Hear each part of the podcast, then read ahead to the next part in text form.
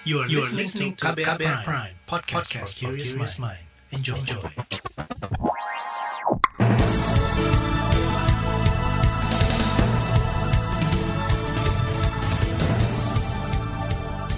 Selamat pagi saudara, senang sekali kami bisa menjumpai Anda kembali melalui program Buletin Pagi edisi Rabu 30 Juni 2021 bersama saya Agus Lukman.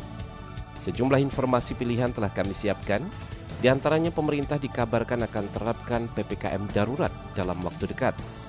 Virus corona varian Delta diperkirakan menular enam kali lebih cepat. Pasca penembakan warga sipil, ratusan warga Yahukimo, Papua mengungsi. Inilah Buletin Pagi selengkapnya. Terbaru di Buletin Pagi. Presiden Joko Widodo dikabarkan akan menerapkan pemberlakuan pembatasan kegiatan masyarakat atau PPKM darurat di Jakarta mulai hari ini atau dalam waktu dekat. Informasi yang beredar menyebutkan dalam rapat terbatas Senin lalu, pemerintah berencana menerapkan PPKM darurat karena kasus konfirmasi positif COVID-19 terus melonjak dalam dua pekan terakhir.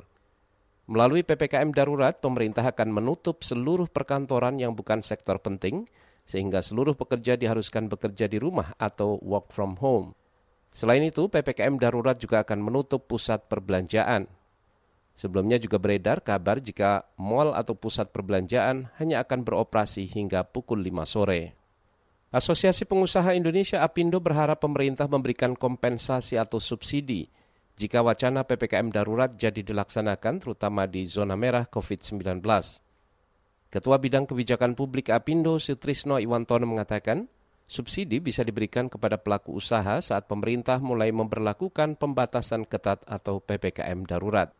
Nah, dalam kondisi semacam ini ya kita akan sangat gembira kalau ada kompensasi khususnya untuk menekan biaya-biaya yang harus kita tanggung gitu. Karena pada dasarnya kan misalnya biaya listrik itu tolong itu diturunkan pajak misalnya juga demikian. Karena kalau enggak kan ya pasti uh, berkelimpangan juga gitu. Tapi pada intinya tentu pemerintah punya pertimbangan yang matang kita harapkan bisa efektif aja. Gitu. Ketua Bidang Kebijakan Publik Apindo, Sutrisno Iwantono mengakui pengetatan pasti menyebabkan dampak negatif bagi pengusaha karena lalu lintas ekonomi menurun.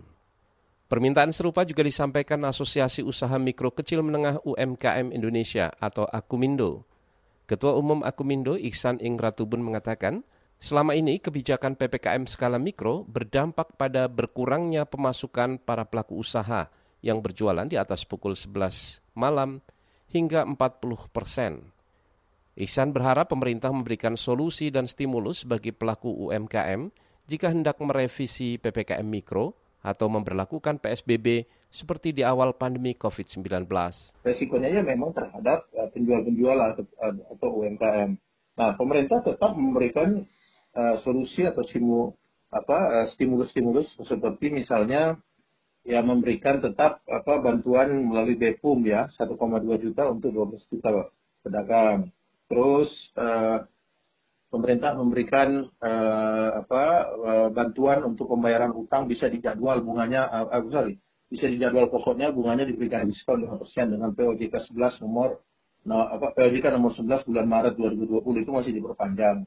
Terus yang ketiga pemerintah membantu permodalan dari sisi PEN dan dari sisi KUR yang diskon bunganya hingga tiga persen yang seharusnya enam persen. Saya kira langkah pemerintah menurut menurut kami sudah sangat tepat, apalagi juga memberdayakan beberapa koperasi untuk memberikan atau menyalurkan kreditnya. Ketua Asosiasi UMKM Indonesia Ihsan Ingratubun juga meminta agar pemerintah menjaga keberpihakan terhadap pelaku UMKM. Misalnya memberikan pelatihan agar pelaku UMKM memanfaatkan teknologi digital. Ihsan juga berharap pemerintah mempermudah akses informasi dan keuangan bagi para pelaku usaha mikro kecil menengah.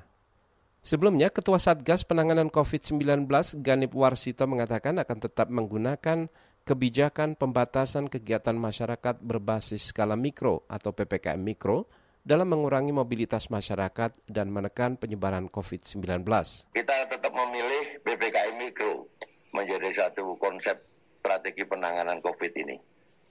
Dan saya perlu ingatkan bahwa PPKM Mikro ini yang sudah menjadi pilihan pemerintah untuk penanganan pandemi COVID di Indonesia, ini perlu kita implementasikan, kita intensifkan dengan sebaik-baiknya. Oleh karenanya, saya ingin merefresh. Karena ini pernah saya sampaikan kemarin bahwa strategi pengendalian COVID-19 sebagai suatu kebijakan yang berlapis ini terdapat empat lapisan. Ketua Satgas Penanganan COVID-19 yang juga Kepala BNPB, Ganip Warsito, menyebut akan menerapkan empat lapis kebijakan PPKM Mikro. Di antaranya kebijakan screening berlapis bagi pelaku perjalanan internasional, pembatasan mobilitas pelaku perjalanan dalam negeri, pemberlakuan PPKM tingkat kabupaten kota, dan PPKM Mikro dengan pengendalian di tingkat komunitas. Di tempat lain, epidemiolog dari Universitas Indonesia Pandu Riono menyarankan pemerintah meninggalkan konsep gas dan rem yang selama ini digunakan sebagai strategi menanggulangi pandemi COVID-19. Pandu mengatakan konsep gas dan rem dapat menimbulkan beragam persepsi baik di masyarakat maupun di jajaran pelaksana kebijakan. Ya, jadi kewenangan pemerintah pusat harus didelegasikan ke pemerintah daerah. Karena pemerintah daerah yang punya instrumen sampai di bawah untuk bisa mengimplementasi apa yang sudah digariskan oleh kebijakan pemerintah pusat.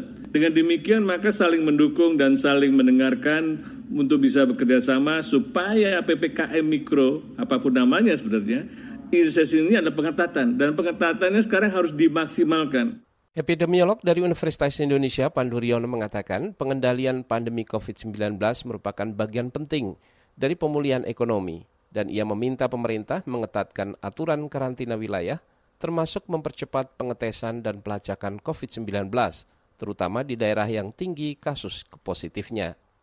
Sementara itu pengamat ekonomi dari Kor Indonesia Peter Abdullah meminta pemerintah segera mengambil langkah jelas dan tegas dalam mengatasi pandemi. Peter menilai pemerintah saat ini mengalami dilema dalam mengambil kebijakan di tengah lonjakan kasus positif COVID-19 saat ini. Menurutnya, pemerintah gamang dalam mengambil kebijakan, terutama di sektor kesehatan dan sektor ekonomi. Dilematis sekali, ya, karena kalau dilakukan, kita akan terjerembab lagi, terjerembab lagi, lagi pertumbuhan tadi uh, triwulan 3. Ya, padahal kita momentum di triwulan 2. Triwulan 2 ini walaupun kita melakukan pengetatan di uh, ujung bulan Juni ini, masih akan positif Artinya kita sudah keluar dari resesi. Tapi kalau kita salah dalam mengantisipasi lonjakan kasus ini, maka yang akan terjadi adalah utamanya ekonomi akan tumbang. Pengamat ekonomi dari Kor Indonesia, Peter Abdullah mengingatkan pemerintah agar tidak salah mengambil kebijakan. Apalagi di awal pandemi tahun lalu, kebijakan PSBB dari pemerintah tidak signifikan menurunkan kasus positif. Saudara, Presiden Joko Widodo merespon poster Raja Pembual yang disebar BEM Universitas Indonesia di media sosial. Informasi selengkapnya hadir sesaat lagi, tetaplah di Buletin Pagi KBR. You're listening to KBR Pride, podcast for curious mind. Enjoy!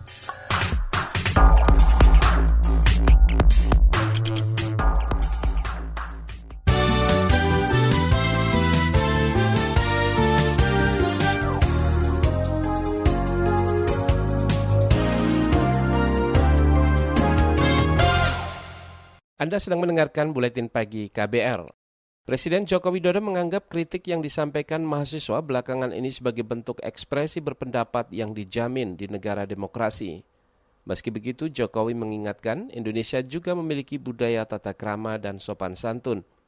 Jokowi berharap pihak universitas mana pun tidak menghalangi mahasiswa dalam menyampaikan hak berpendapat. Ya saya kira ini uh, bentuk ekspresi mahasiswa dan ini negara demokrasi, jadi kritik itu ya boleh-boleh saja. Dan universitas tidak apa e, tidak perlu menghalangi mahasiswa untuk berekspresi. Tapi juga ingat kita ini memiliki budaya tata krama, memiliki budaya kesopan santunan, Presiden Joko Widodo mengatakan saat ini yang penting adalah seluruh elemen bangsa berusaha keras menangani pandemi COVID-19. Sebelumnya, Badan Eksekutif Mahasiswa BEM Universitas Indonesia mengunggah poster di media sosial yang menampilkan foto Presiden Jokowi dengan julukan The King of Lip Service atau Raja Pembual. Akibat unggahan itu, pihak Rektorat Kampus memanggil dan meminta keterangan dari pengurus BEM Universitas Indonesia. Saudara virus corona varian Delta dinilai memiliki tingkat penularan enam kali lebih cepat dibandingkan varian Alpha. Juru bicara vaksinasi COVID-19 dari Kementerian Kesehatan, Siti Nadia Tarmizi mengatakan, rendahnya kepatuhan masyarakat untuk menerapkan protokol kesehatan juga mempermudah penyebaran COVID-19 varian Delta di masyarakat. Dengan uh, adanya memang sudah ada peningkatan kasus, uh, varian baru lebih cepat menular, dan kita tahu bahwa varian baru ini uh, memang kecepatan penularannya itu uh, bisa enam kali dari uh, varian uh, alpha ya. Jadi, nah ini yang tentunya membuat peningkatan kasus kita berjalan secara eksponensial. Siti Nadia juga meminta masyarakat menggunakan masker ganda guna mencegah risiko penularan sejumlah varian baru virus corona. Hingga kemarin, saudara, kasus positif COVID-19 harian kembali mencatatkan rekor baru, mencapai lebih dari 21 ribu kasus positif dengan 400 angka kematian dalam sehari. Terkait informasi lain, saudara pemerintah mengakui masih belum berhasil mengentaskan kasus stunting atau gizi buruk pada anak balita. Meski begitu, Wakil Presiden Ma'ruf Amin mengklaim pemerintah bersungguh-sungguh menekan angka stunting – bahwa Presiden telah meminta BKKBN untuk terlibat aktif dalam pelaksanaan percepatan penurunan stunting.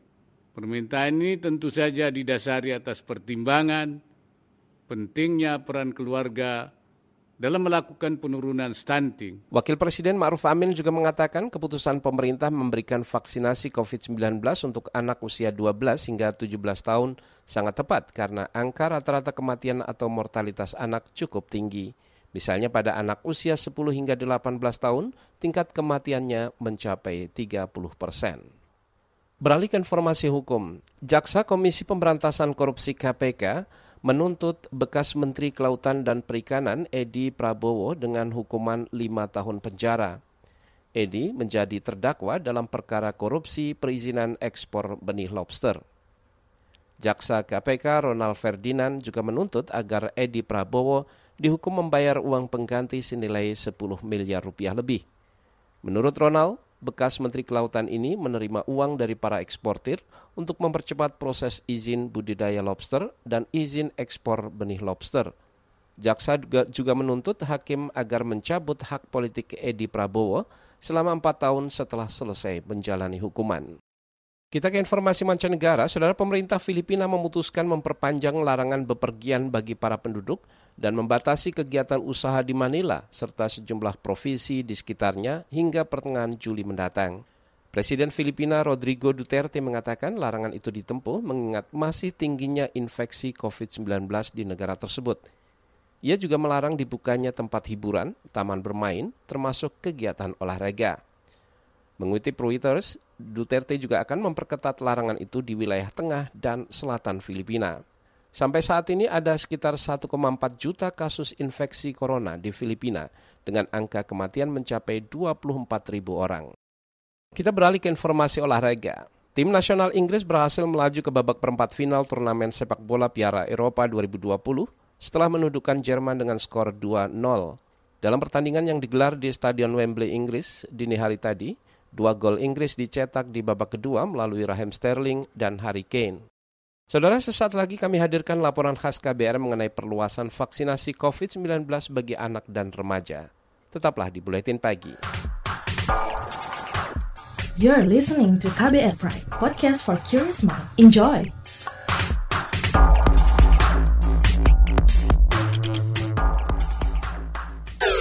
Commercial break.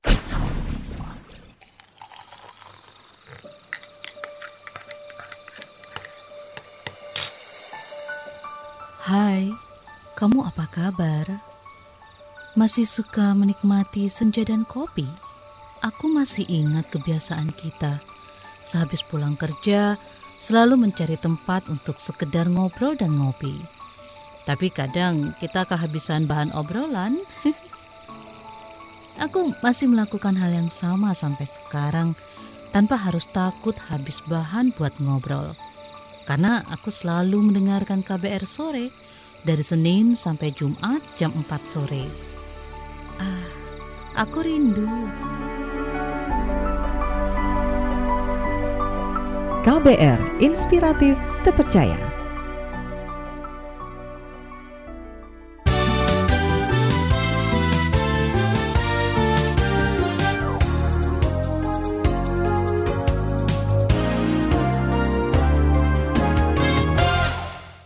Anda masih bersama kami di Buletin Pagi KBR. Pemerintah akhirnya mengumumkan perluasan vaksinasi COVID-19 bagi anak dan remaja. Keputusan itu diambil setelah vaksin Sinovac mendapat izin penggunaan sementara atau penggunaan darurat dari Badan Pengawas Obat dan Makanan untuk anak usia 12 hingga 17 tahun. Hal ini menjadi kabar gembira di tengah terus melonjaknya kasus positif COVID-19 pada anak.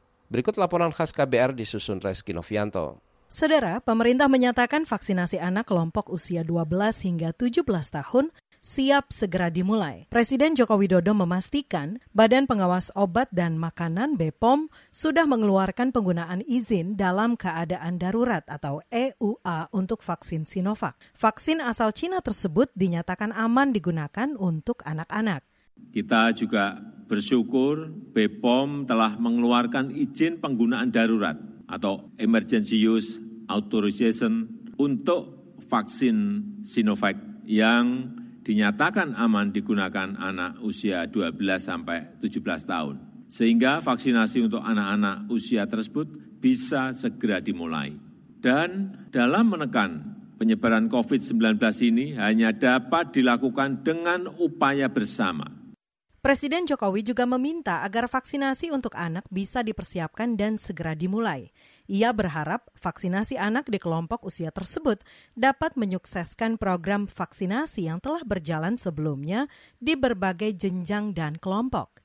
Hal yang sama disampaikan Kementerian Kesehatan melalui juru bicaranya Siti Nadia Tarmizi. Ia mengatakan, Kementeriannya terus koordinasi dengan pihak-pihak terkait demi melakukan persiapan pelaksanaan vaksinasi COVID-19 untuk anak usia 12 hingga 17 tahun ya segera mungkin kita lagi siapkan untuk pelaksanaannya, koordinasi dengan pos pelaksanaan vaksinasi, kemudian uh, mendistribusikan terkait uh, kebutuhan uh, vaksinnya, ya kan seperti itu.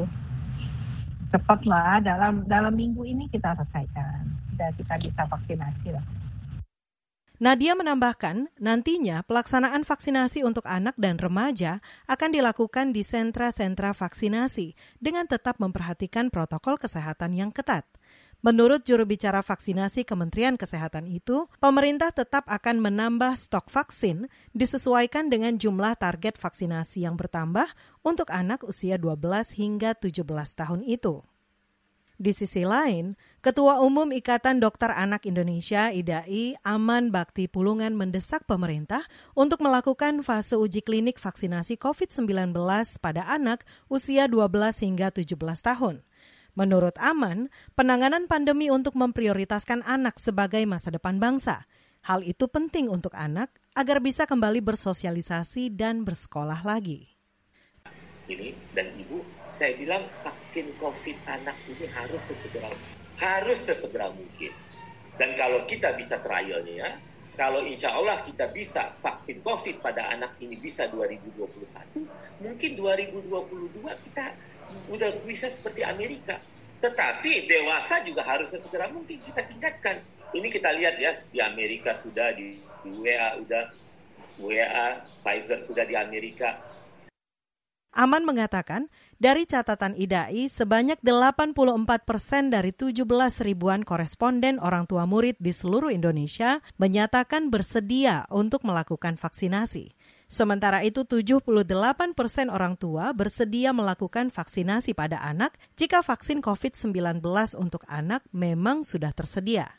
Sementara itu, epidemiolog dari Universitas Griffith Australia, Diki Budiman, mendukung rencana pemerintah untuk segera melakukan vaksinasi COVID-19 untuk anak dan remaja.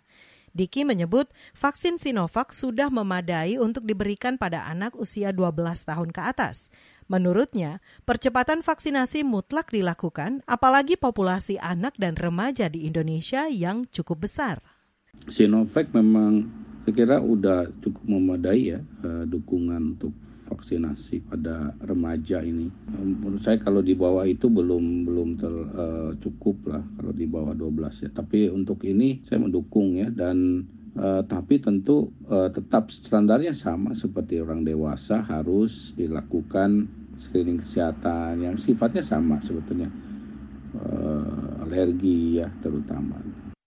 Sebelumnya, Badan POM juga telah merekomendasikan izin penggunaan dalam keadaan darurat vaksin Sinovac untuk anak usia 12 hingga 17 tahun. Rekomendasi itu tertuang dalam surat Badan POM yang ditujukan pada PT Bio Farma. Surat rekomendasi itu dikeluarkan berdasarkan hasil rapat dengan Komite Nasional Penilai Khusus Vaksin COVID-19 yang diselenggarakan pada 26 Juni lalu. Demikian laporan khas KBR yang disusun Reski Novianto. Saya Aika Renata. Informasi dari berbagai daerah akan kami hadirkan sesaat lagi, tetaplah di Buletin Pagi. You're listening to KBR Pride, podcast for curious mind. Enjoy!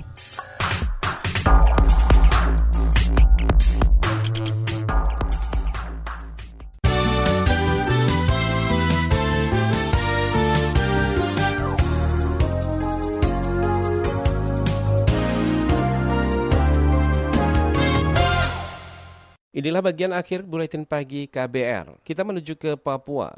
Saudara, sekitar 700 warga di Kampung Bingki, Kabupaten Yahukimo, Papua mengungsi usai insiden penembakan yang menewaskan empat warga sipil pada pekan lalu.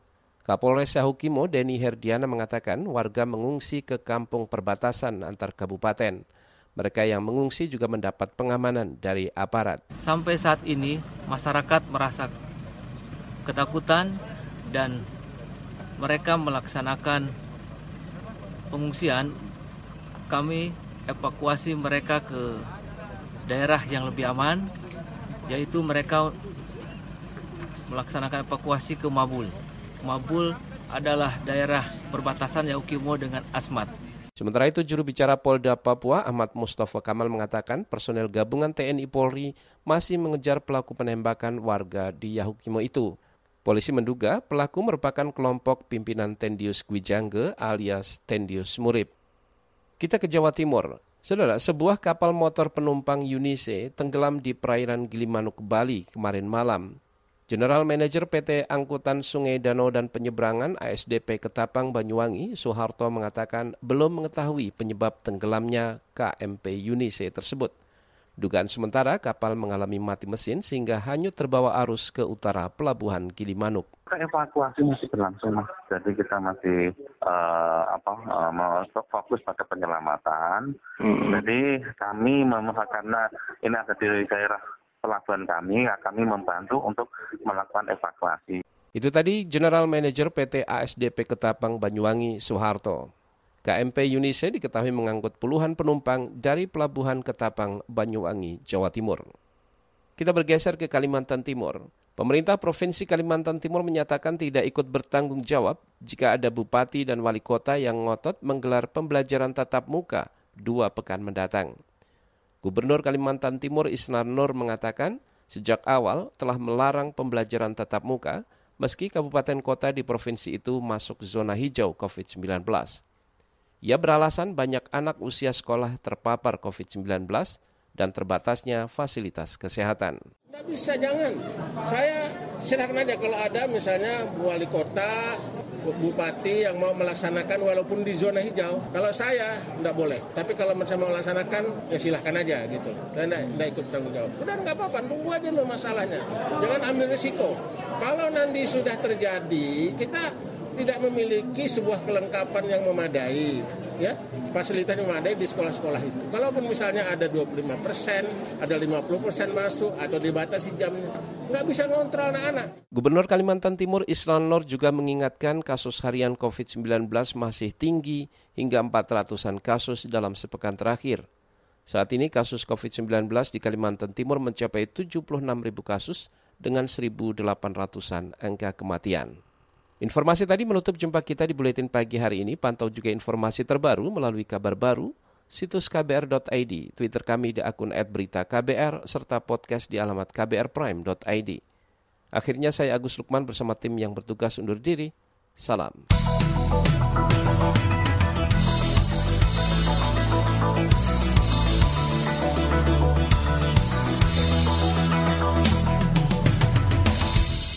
KBR Prime, cara asik mendengar berita. KBR Prime, podcast for curious mind.